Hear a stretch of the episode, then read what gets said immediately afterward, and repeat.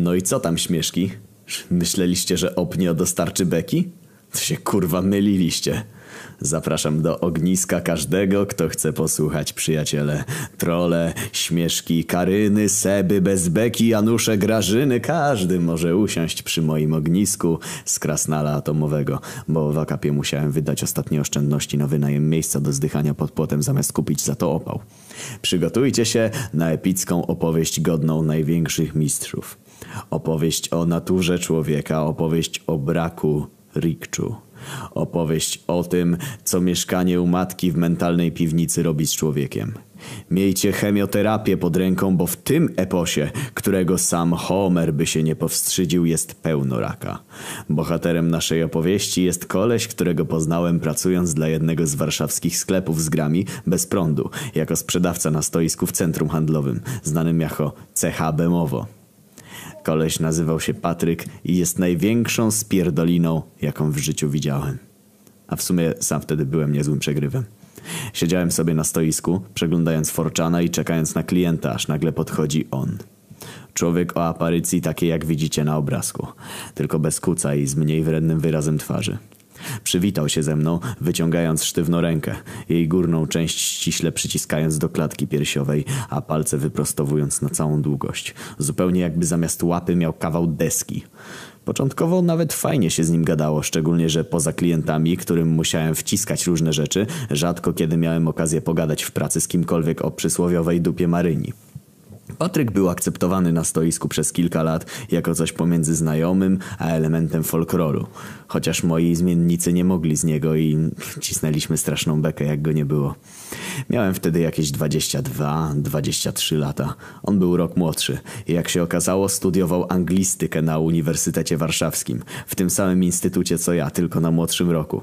Patryk uwielbiał gry komputerowe, chińskie bajki i gry planszowe. Dlatego tak często przychodził. Ponieważ nigdy go nie było stać na kompa, to zawsze pocinał na konsolach i był typowym autystą od bijatek i japońskich herpegów. Pewnego dnia przyszedł na stoisko i powiedział, że chce opowiedzieć mi kawał. Zgodziłem się oczywiście, bo czemu nie? Kawał miał być po angielsku, a że Patryk był z tego chujowy, to tylko moje wyższe anglistyczne wykształcenie pozwoliło mi przebić się przez jego hardkorowy ponglish i zrozumieć co mówi. Ale samego kawału nie kapowałem. Kazałem mu powtórzyć go cztery razy, aż w końcu powiedziałem, że kurwa nie rozumiem i weź wytłumacz mi puentę. Patryk nagle posmutniał i spytał mnie Zaraz, to w kawale musi być puenta? Kiedy indziej Patryk przyszedł pograć ze mną w MTG. Wytłumaczenie na użytek osób, które nie miały z tym styczności. MTG to gra karciana o pojedynku magów, którzy napierdalają się nawzajem fire, fireballami i napuszczają na siebie nawzajem armie złożone z potworów i żołnierzy. Każdy gracz ma po 20 punktów życia i trzeba zajebać przeciwnika na śmierć w dowolny sposób. Karty się kolekcjonuje i na bazie tej kolekcji tworzy się swoją unikalną talię. Jest z czego wybierać, bo gra ma ze 30 lat i karciochy idą w miliony. Standardowa talia turniejowa to 60 kart i ludzie tak grają nawet towarzysko, bo prawdopodobieństwo dociągu konkretnej karty jest wtedy optymalne, a poza tym pudełka są produkowane pod tą ilość. Patryk przyniósł swoją talię, wielką i nieuporządkowaną jak chuj. Ze 200 kart tam było i mówi, że gramy. Szef nie tylko na to pozwalał, ale nawet zachęcał, bo była to żywa reklama towaru. Ja wyjąłem swoją kupną talię na smokach i goblinach, którą miałem do zabawy. Ilość kart standardowa. Ogólnie miałem tam dość stare karty, które nie miały szans z porządnie złożoną aktualną talią, ale czasami udało się wygrać. Przez całą grę Patryczek zmuszał mnie do defensywy. Ja się cudem broniłem, ale miałem kartę, która pozwalała mi nakurwiać fireballami za składanie w swoich żołnierzy w ofierze.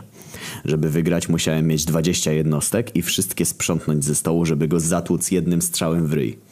Patryczek kilka razy przetasowywał swoją talię i widziałem, kurwa, że to nie jest prawdziwe tasowanie, tylko ten syn układa sobie karty, ale udałem, że nie zauważyłem. W pewnym momencie wystawia kartę o nazwie Awacyn. To taka cycata anielica, która wrzuca wszystkim jego potworom na stole różne mocne bonusy, między innymi niezniszczalność. Patryczek wystawiając tę kartę był wielce z siebie zadowolony. Zaczął się przechwalać jakim jest wytrawnym graczem i że mam przejebane. W tym momencie wyjebałem wszystkie swoje potwory ze stołu, powiedziałem, że napierdalam go za dwadzieścia i nie żyje. Patryczkę się wkurwił, pierdolnął kartami, wrzucił je byle jak do plecaka i spierdolił ze stoiska, ledwo powstrzymując łzy w oczach. Czaicie, kurwa? Koleś jest tak głupi, że oszukuje w zjebanej grze i jeszcze przegrywa. Innego dnia Patryk przychodzi na stoisko i mówi, że musi napisać licencjat, ale nie umie po angielsku. Zajebisty z ciebie anglista chuju i prosi mnie o przetłumaczenie, bo napisał po polsku. Patryk już wtedy odpadł z Uniwersytetu Warszawskiego i poszedł na SWPS. Mówię mu, że jak mi zapłaci, to to zrobię, bo tłumaczenie wcale nie jest proste i zajmuje trochę czasu. To wtedy był mój konik i mówiłem każdemu, że chcę zostać tłumaczem, więc jego wybór był dość prosty. Powiedział mi, że nie ma pieniędzy, ale da mi płytę z grą z najnowszego CDA. Ja mu mówię, że tylko twarda gotówka i chuj, bo muszę za coś żyć, a długów wtedy miałem po uszy. Już nie wspominam, że kupowałem wtedy CDA każdego miesiąca i miałem tę płytę. Praca miała 10 stron i to właściwie było wypracowanie udające licencjat. Powiedział mi, że da mi 60 zł. A ja się zaśmiałem mu w twarz, że taka robota to 300 zł u profesjonalnego tłumacza i sam nie zrobię tego za mniej niż 150, biorąc pod uwagę, że dopiero się uczę, a poza tym po znajomości. Po tym poszedł w pizdu i jak chciał zamówić tłumaczenie w agencji, to się okazało, że mam rację. Nie chcąc się poddawać, przepuścił tekst przez Google Translate, nawet nie sprawdzając i zaniósł promotorowi. Za co promotor tak go zjebał, że prawie wypierdolił z seminarium. Po tym wszystkim Patryk przyniósł swoją pracę na stoisko. Tłumaczyło mi się to ciężko, bo koleś charakteryzował się kwiecistym stylem średnio rozgarniętego gimbazjusza, który leje wodę nie na temat tak mocno, jak Janusz Nosacz leje żonę, bo zupa zasłona. Musiałem machnąć nockę przed deadline'em, bo zostawiłem to na ostatnią chwilę. Części nawet nie zrozumiałem, ale się kurwa udało. Gdy zaraportowałem swój sukces, przyszedł następnego dnia z matką na stoisko i ona mi zapłaciła. W tym czasie miałem przerwę od studiów z różnych powodów, jego też to czekało i matka straszliwie go jebała za to. Gdy tylko mi zapłacili, Patryk rzucił do matki Widzisz mamo, jak ktoś ma przerwę od studiów, to nie znaczy, że jest głupi. Spójrz na Marcina. A matka do niego, kurwa, przy mnie, rzuca mu prosto w twarz. Patryk, ale pan Marcin w przeciwieństwie do ciebie jest ogarnięty. Patryk też przy prawie każdej okazji chwalił się, jakim to on nie jest wyjadaczem, bo pracował przez trzy lata w Morionie, znanym niektórym bemowskim i wolskim warszawiakom sklepie z planszówkami, konkurencji mojej firmy. Kiedyś tam wpadłem, bo potrzebowałem coś to, co tylko oni mieli i spytałem ich o naszego bohatera. Powiedzieli mi, że pracował kurwa trzy wakacje z rzędu jak był nastolatkiem, jako jakiś prezenter jakiejś chujowej gry i w gruncie rzeczy trzymali go tam, żeby mu nie było przykro. Kiedy indziej, po przenosinach z mojego punktu z CH Bemowo do CH Wola Park, mój szef, na którego wszyscy mówili Sosna, organizował polskie eliminacje do turnieju MTG w USA, gdzie grało się o tytuł Mistrza Świata. Było o co walczyć, bo CD Projekt, który wtedy był wydawcą MTG na Polskę, ufundował kupę fajnych nagród, a w USA można było wygrać ileś tam tysięcy dolarów i jakieś Ferrari na kiju. Nie, nie żartuję. Są nawet ludzie, którzy żyją z tych kart całkiem zamożnie. Sosna miał zam zmysł biznesowy i zorganizował eliminację w moim centrum handlowym, dzięki czemu gracze z całej Polski zostawiali hajsy na moim stoisku. Jednocześnie wykorzystał tę okazję do tego, żeby wśród klientów centrum handlowego wypromować swój autorski system bitewny z figurkami. Wyjaśnienie dla ludzi, którzy nie wiedzą z czym to się je. Systemy figurkowe to gry wojenne, gdzie każdy z graczy tworzy armię z metalowych lub plastikowych figurek. Bierze się makiety z budynkami, drzewkami i innym syfem i napierdala się bitwy mierząc ruchy jednostek miarką centymetrową oraz rzucając kośćmi na różne rzeczy. Na przykład czy atak wyszedł. Sosna stworzył taki system, który miejsce akcji miał w Europie Środkowo-Wschodniej i czasach trylogii Sienkiewicza i nazwał go Ogniem i Mieczem. Jest tam kilka frakcji, m.in. Polska i Szwecja, a demograna wola parku polegała na tym, że pracownicy Sosny mieli chujową armię Szwedów, a klienci przegiętą armię Polaków i każdy kto chciał mógł powstrzymać potop szwedzki. Po skończeniu mojej zmiany poszedłem tam, bo system ciekawił mnie mechanicznie i poprosiłem chłopaków, żeby zagrali ze mną i pokazali o chuj tu chodzi. W tym momencie wbija Patryczek i mówi, że on koniecznie gra ze mną i chce być Szwedami. Często gadał o tym systemie na stoisku i podniecał się Szwedami do tego stopnia, że jak nie słyszał, to mówiliśmy na niego Szwecja. Żaden z nas nie zna zasad. Chłopaki nam tłumaczą i pomagają, a on zaczyna grać w chuj taktycznie i kombinować jak mnie tu dojechać. Oczywiście głośno wszystko komentując. Ja miałem armię złożoną z kawalerii, a co robi nowozjeb dostający armię złożoną z kawalerii? Tak, napierdala do przodu, kurwa, byle dalej. Wokół chodzili ludzie i się nam przyglądali, a że miałem lepsze jednostki, to do, go dosłownie rozsmarowałem na stole. Nawet przejebałem się kawalerią przez płotek w kierunku działa kartaczowego, które wypaliło w moich konnych, ale Patryk miał chujowy rzut i nie trafił, więc wysiekłem mu obsługę pomimo rzucenia moich jeźdźców tak naprawdę na pewną śmierć przez moje spierdolenie. Przez całą grę łapał coraz większy ból dupy, aż ludzie wokół z oburzeniem zaczęli komentować jego zachowanie, a niektórzy, łapiąc mega rzeżu, po prostu wypierdalali. Chłopaki od prezentowania gry myśleli nawet, że zaraz będzie bójka, jak Patryczek podstawił mi środkowy palec pod nos, gdy pochyliłem się nad stołem, żeby rozdysponować kartoniki z rozkazami dla moich jednostek.